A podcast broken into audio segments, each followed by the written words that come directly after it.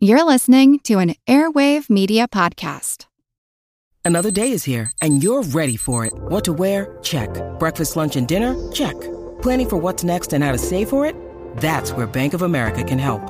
For your financial to dos, Bank of America has experts ready to help get you closer to your goals.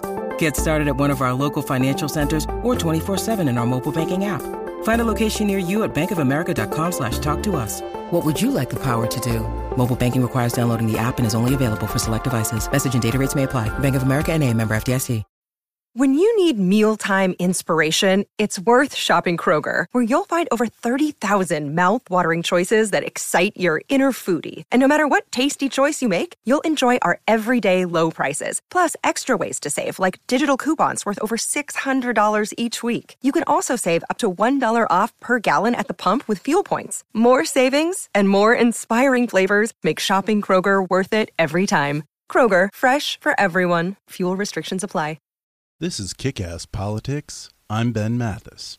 If you're listening for the first time, this is a preview station for Kick Ass Politics where I put up a few sample episodes for you to check out.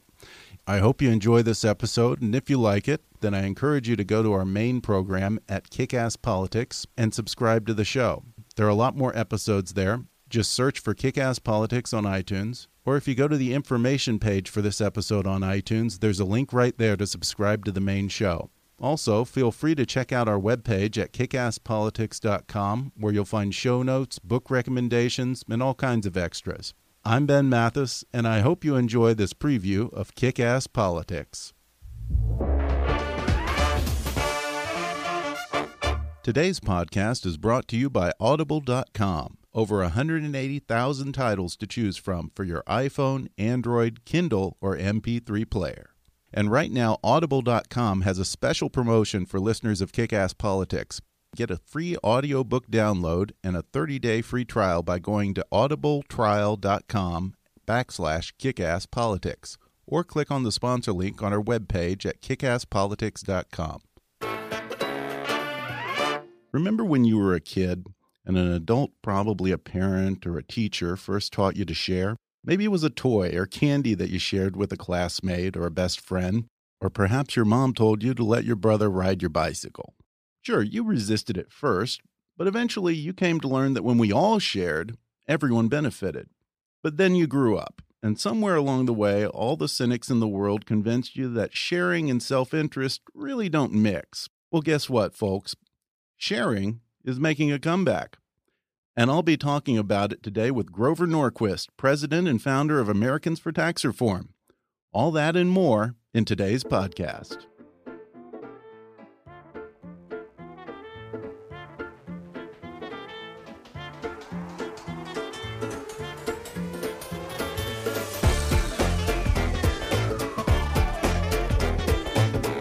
From Hollywood to Washington, it's time for Kick Ass Politics.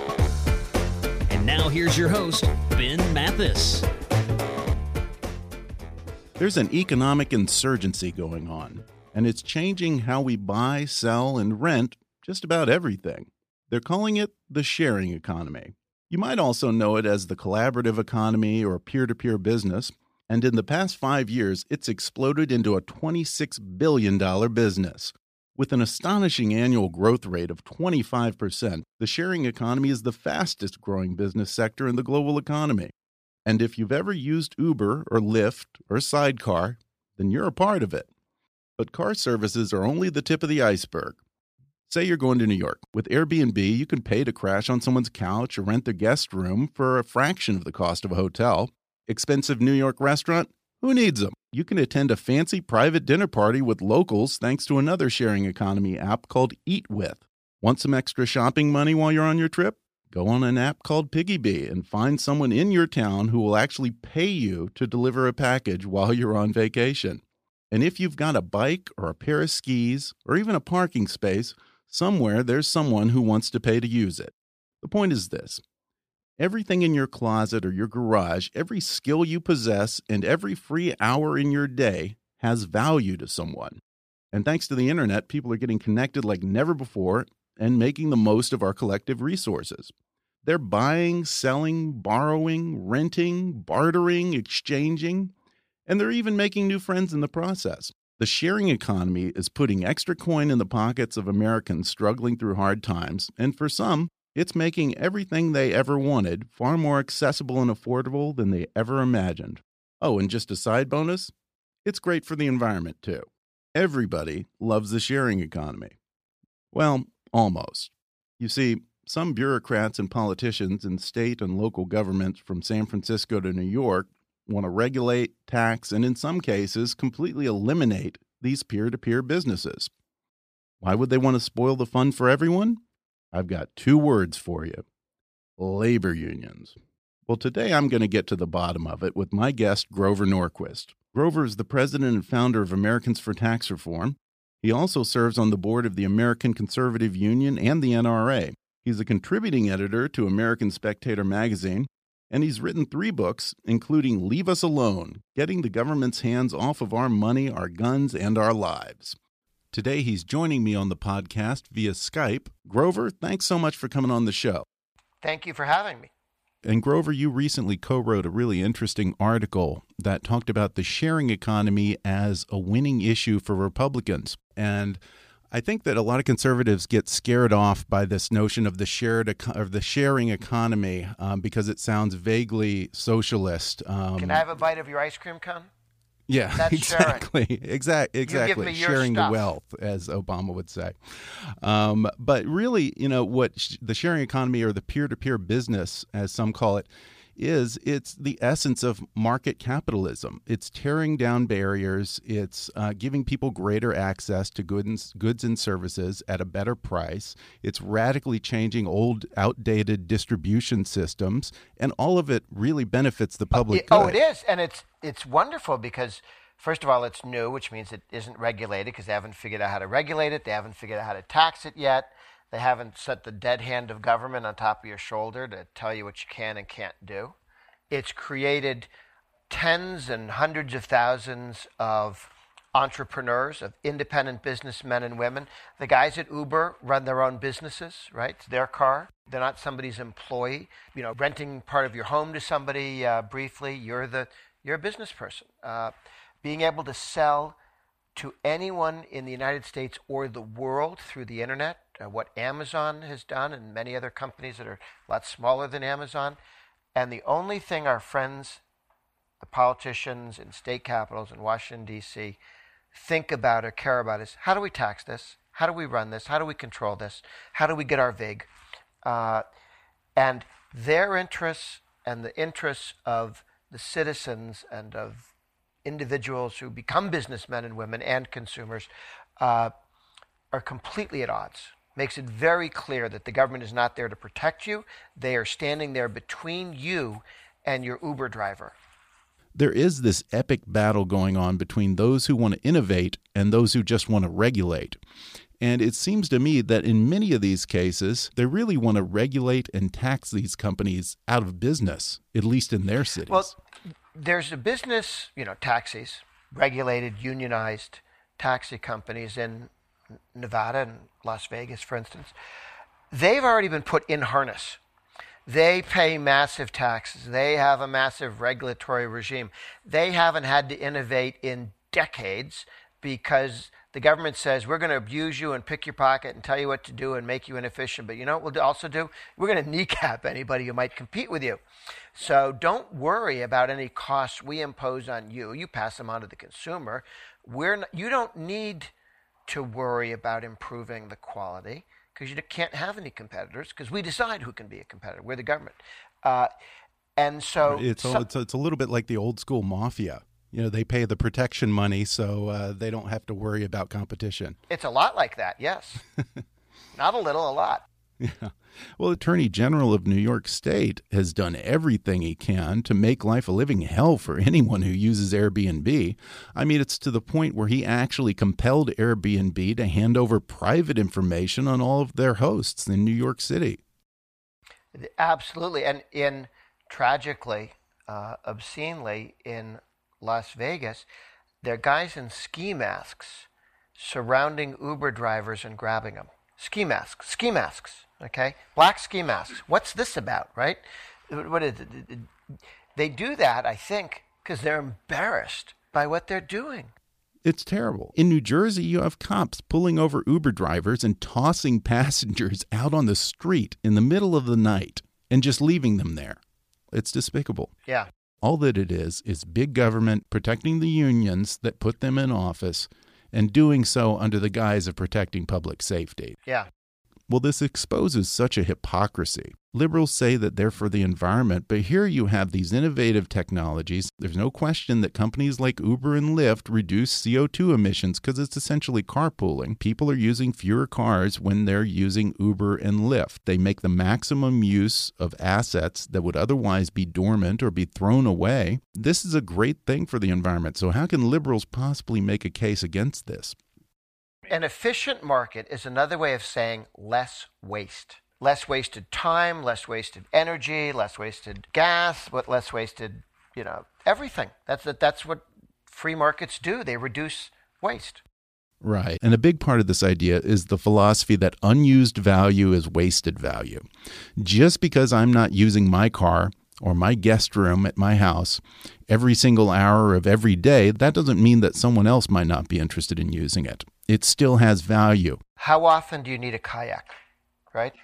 I mean, some people kayak every day, I suppose, but there's quite a number of people who very rarely use a kayak and would love to be able to rent it to somebody who wants it for a weekend. Anytime you go out in the ocean or on a lake, take a look at two thirds, four fifths of all the boats you see are at anchor. That weekend, on a good weekend with great weather, a lot of people are not using their boats.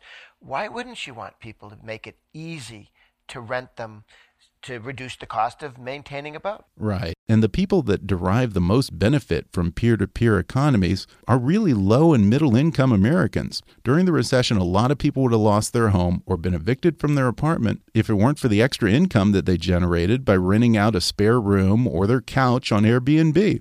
70% of Airbnbs in New York City are outside of the typical tourist districts. So that means that the guests at these Airbnbs, they're actually pumping money into neighborhoods that don't usually derive much economic benefit from tourism. That's a good thing.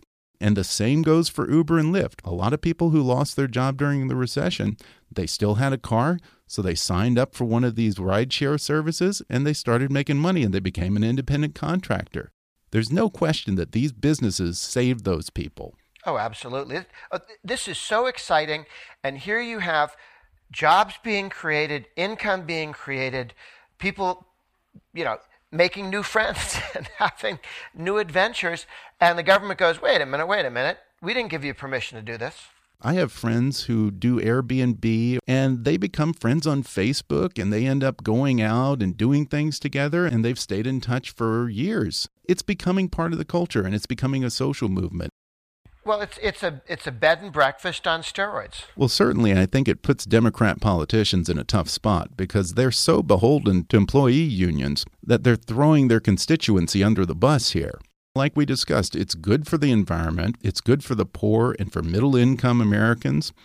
I mean, Obama is always saying he wants to spread the wealth. Well, that's exactly what this does.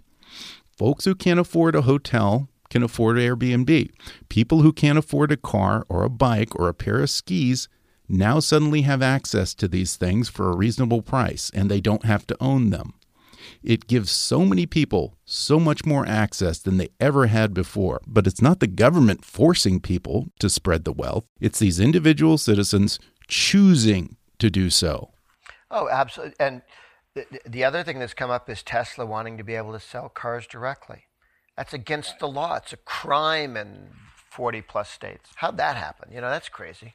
Well, it's interesting that you bring up Tesla because the thing that occurs to me in all of this is if government regulators are freaking out and going to such extreme lengths to protect taxi unions from rideshare apps, I shudder to think what they'll do five to 10 years from now when the first driverless cars hit the market. Oh, dear, yes. that would be very, very interesting. And look, we need to develop both citizens. I think, although I think the American people are pretty open to all this new stuff. I mean, we do jump out and want to do and try all the new products and ideas and so on. Uh, and Uber, even in DC, very much outside the law. Everybody fell in love with it. When the government, a little slow on the uptake, got around to trying to threaten it, uh, there were so many people who were consumers of it, they told the government to back off, and it did. That is amazing. You know, and you have San Francisco, 69% of the people in San Francisco love Airbnb. Yet the lawmakers want to pass laws just like they have in New York City that outlaw short term rentals and would essentially drive Airbnb out of the city. Isn't that amazing? And San Francisco is where they invented Uber, not to set up a multi billion dollar company, but because some friends said, you know, you can never get cab in this stinking place. Why don't we set this up for us? You know, the 40 of us. And then it took off. Now, in the article that you wrote, you said that all of this presents an interesting opportunity for the GOP to make political headway in traditionally liberal big cities. Come on. It's isn't it interesting that big cities tend to be run by Democrat political machines. The Republicans run, you know, 62% of all the governorships, uh, more than that of all the state legislative bodies.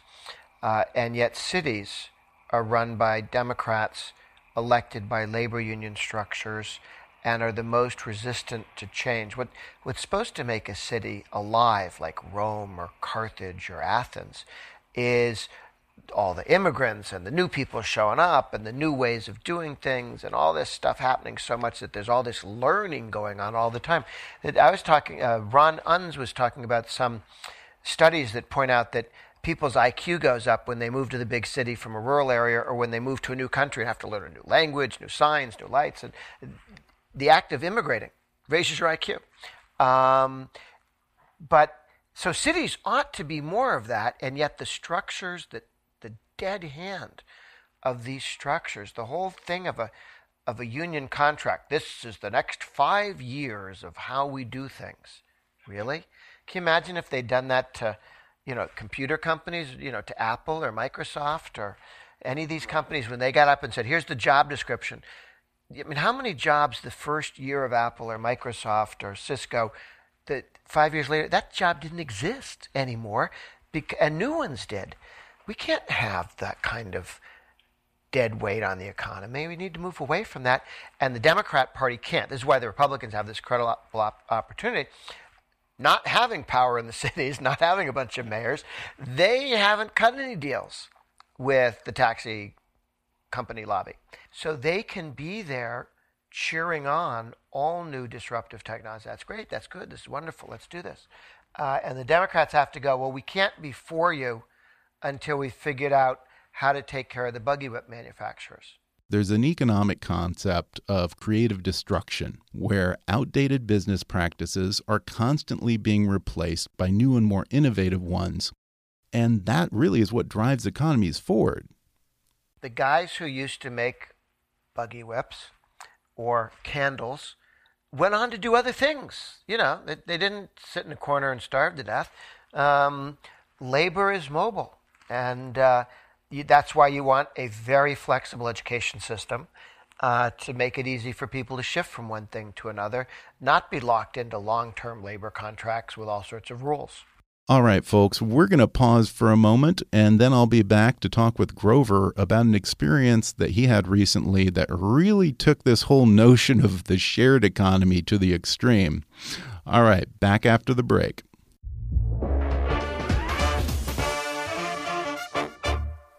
If you're enjoying this episode on the sharing economy, then I want you to check out our sponsor, Fiverr. That's F I V E R R. Fiverr is the world's largest online marketplace for services, with over 100 categories covering just about everything you can imagine, and all offered for a fixed base price of just $5. If you're a student, you can find an English professor to proofread an essay for $5. You need a professional company logo? $5 business cards, stationery design, composers to write a jingle for your business, people who promote your company on Twitter or radio, any kind of advertising you can possibly imagine, IT support, web design, translation, transcription, legal counseling, and someone to teach you just about anything you can possibly want, all for $5. And you didn't hear this from me, but kids, You can even go on Fiverr and find grad students who will do your math homework for you. In fact, when people ask where I found the voiceover artist who does our radio intro on the show, I tell them Fiverr. I got a professional radio voiceover artist to do our intro for just five bucks. And now, if you go to the Kickass Politics website and click on the Fiverr ad under our sponsors, you'll be showing support for the show and you'll get some great offers on services tailored to your needs. Whatever you need done, find it on Fiverr. And if you like what we're doing here at Kickass Politics and you want to help keep us on the air, then please show your support for the show and make a donation by going to our GoFundMe campaign at gofundme.com backslash kickasspolitics. That's G-O-F-U-N-D-M-E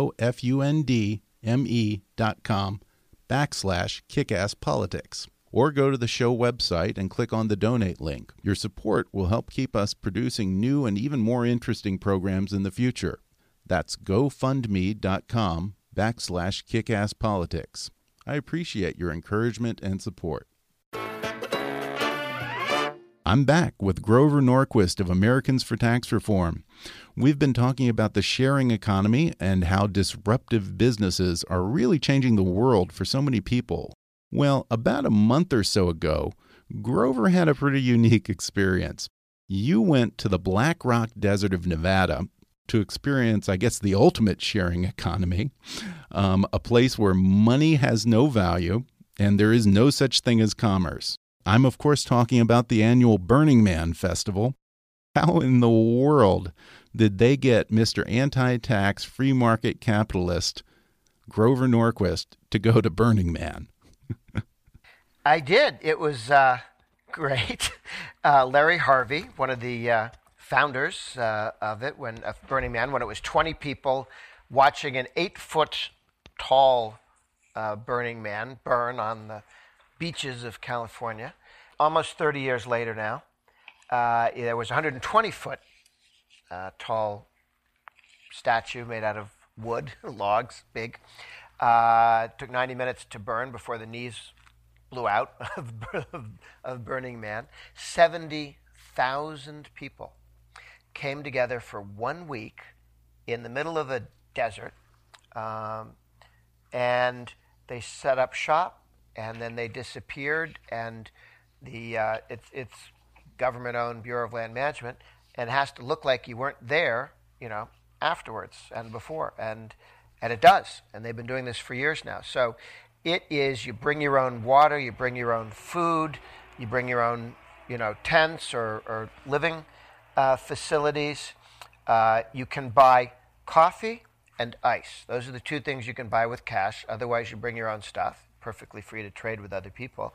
That, that's one thing I never understood. People always tell me that it's it's a, a, giving economy and there's no money, there's no no you can't purchase anything except ice and coffee. The ice, I guess, I kind of understand, but coffee.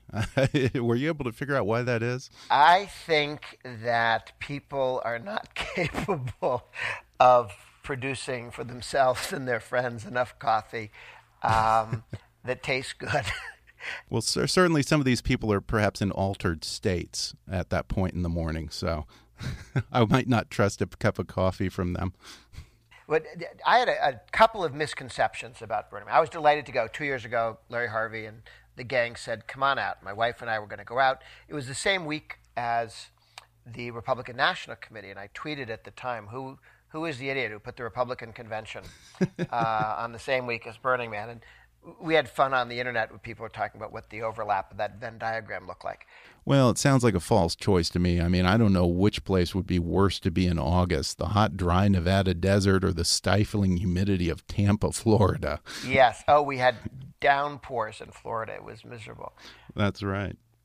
But two years later, uh, it worked out. My wife and I went out there, and it was very interesting. It, uh, I had a sense of what to expect, uh, just as I had a sense of what I thought I'd see when I went to the Louvre in Paris.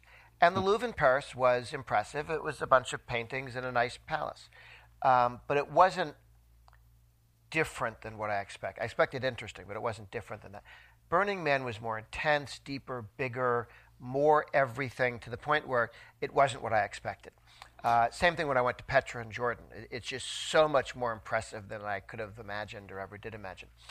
Uh, the number of people you run into, that you walk down the street, you walk into p- to people doing all sorts of different stuff, artwork everywhere. All the cars are art cars. That there are not a lot of cars there, but the ones that are uh, are art cars, um, and uh, dressed up like big spiders or cats, or uh, some of the really large ones on the back of flatbed trucks are pirate ships. Uh, it's it's when you let people alone and tell them, look, we got roads. don't sit in the road. Don't put your tent in the road. Uh, but otherwise, it's up to you. And people leave each other alone and they have a great time. Uh, I had thought, been hearing about oh, a bunch of drug use and everybody's naked or dressed Right. oddly. Um, that's because the pictures people take are of the guys who don't wear all their clothes or are dressed oddly. Uh, Are we going to find scandalous pictures of you on the internet now? uh, you will find pictures of me, I think, basically wearing desert gear. I mean, sweat through long sleeve shirt that rolls up and, uh, and desert pants. Oh, well, okay. Well, you were smart then. You, you, you, were, you were getting ready to, to go to Iraq there or something. Well, that's that's what it sounded like. I've I've worked in deserts before, and I, I, I said I know what this is like. Yeah. Uh, so I dressed for that, but I did because I talked to one conservative libertarian guy that had been going for years. He said, "I bring two trunks of clothes." I said, "I guess some people do dress up," and I don't know, twenty percent, ten percent of people are sort of dressed up pretty funky, and some people go pretty crazy in a in a fun, interesting way. Uh, so I brought a Moroccan um, outfit that it makes you look like uh, Obi Wan Kenobi.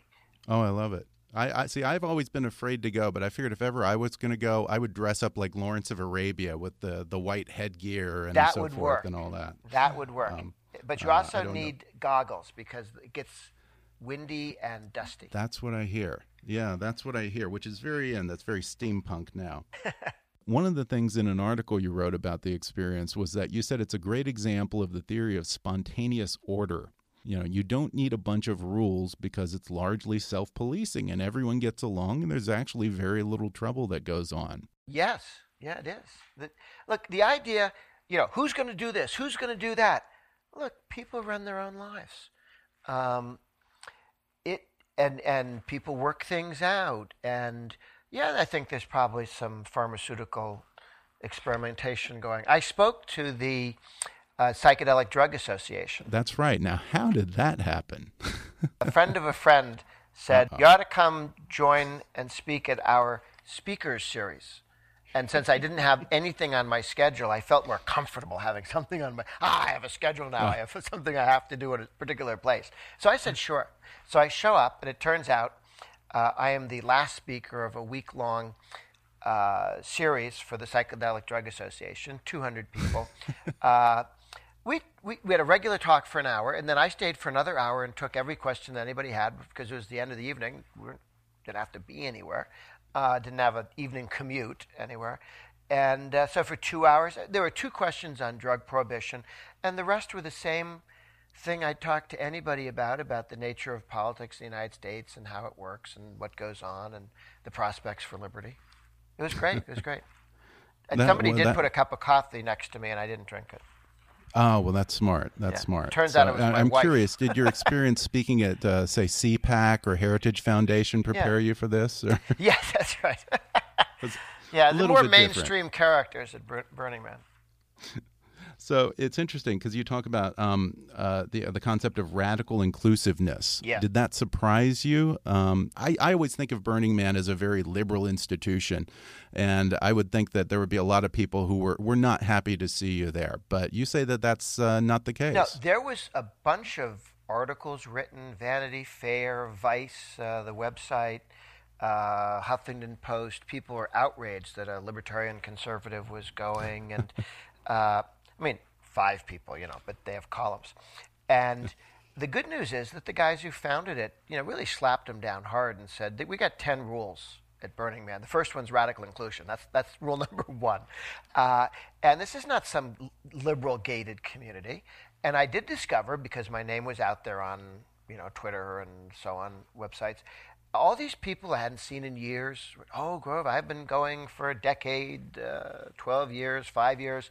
And people wow. were really reaching out to give me advice. And, uh, and they were very political, libertarians and conservative guys. And they just said, look, everybody does their own thing. Uh, there's an assumption, I think, because of some drug use, and maybe one out of a 100 people are not completely wearing all the clothes that you would normally wear to work, um, that, that, that, this was some big liberal thing. But in, in point of fact, not, no. Um, one of the main ideas behind Burning Man is, as you mentioned, you can't buy anything other than coffee and ice.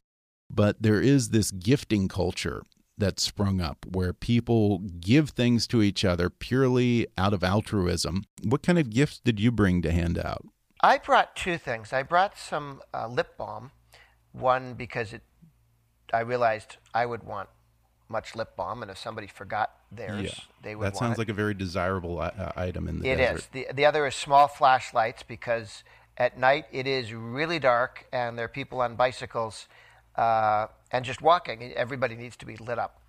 Uh, and not everybody's got as much light as they ought to have on them. Uh, I brought Cuban cigars, which I thought was sort of vaguely edgy, Cuban, not completely legal, uh, and and yet you know tobacco, so edgy that way. Uh, not marijuana, so not completely edgy. Uh, well, if I'm at Burning Man next year, you're going to be the guy that I seek out. In that I case. will. It, I was very popular. I had I had uh, well received gifts. Are you planning on going to Burning Man next year? The answer is yes. Uh, uh, life gets difficult. Uh, schedules get interesting. It took me two years to get there. Uh, it is my plan to go, my wife's plan to go. We are having a discussion about whether we can bring the children. There is a kiddie camp there. Uh, there's a oh, whole really? place that makes it easy for people to. Uh, you to can bring children there. to Burning Man. You can indeed. Oh, there's a young lady. I, I had my fingernails painted black, very goth, by a six year old girl who was in, the, in and around the camp where we stayed and uh, at six, you don't exactly have fine motor skills.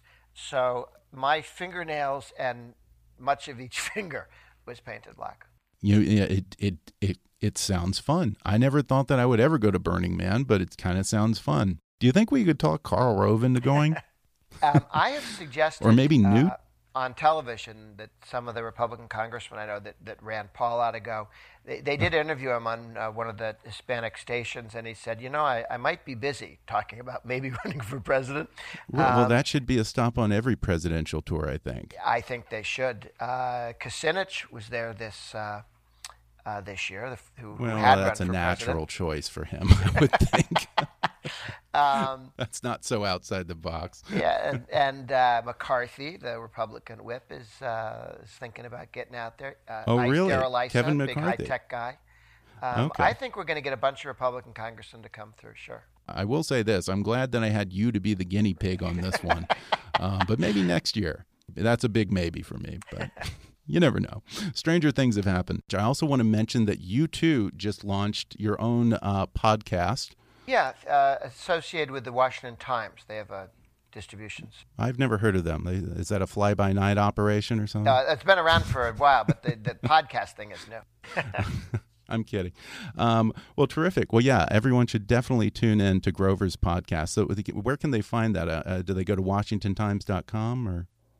Yeah, or I think you can YouTube it under Grover Podcast. You are doing a yeoman's work out there in D.C. And folks, you ought to give Grover Norquist a pat on the back because I don't know anyone out there who is fighting harder to keep the government out of your wallets and out of your lives. Appreciate the opportunity. Take care, Ben. Hey, Grover, thanks for coming on the show.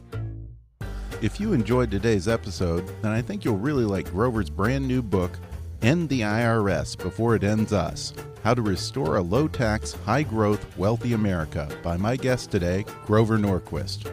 And right now, you can download the audio version of his book for free with a special promotion for our listeners from audible.com.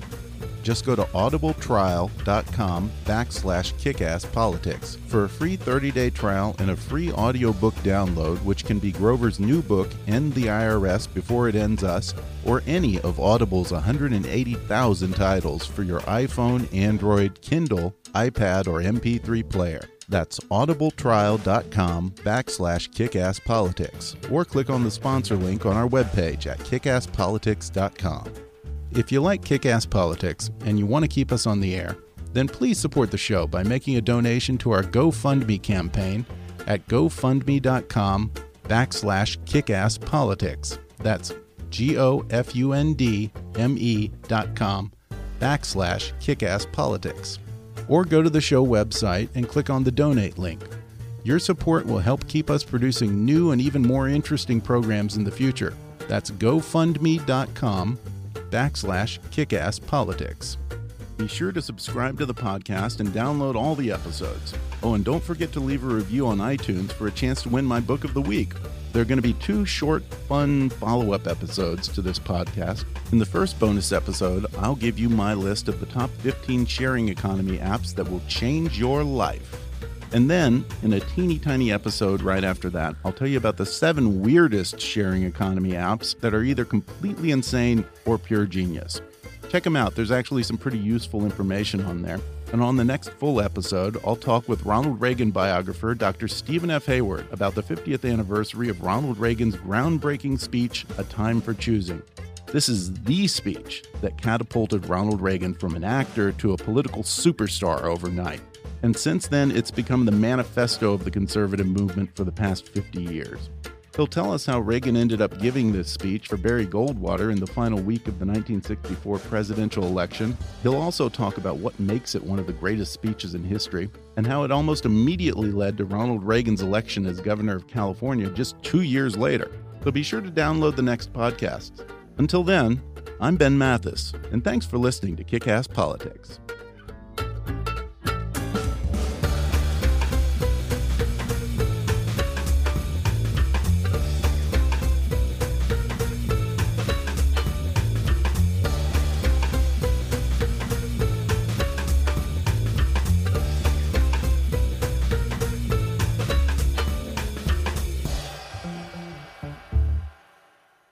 Ass Politics is a trademark of Mathis Entertainment, Inc.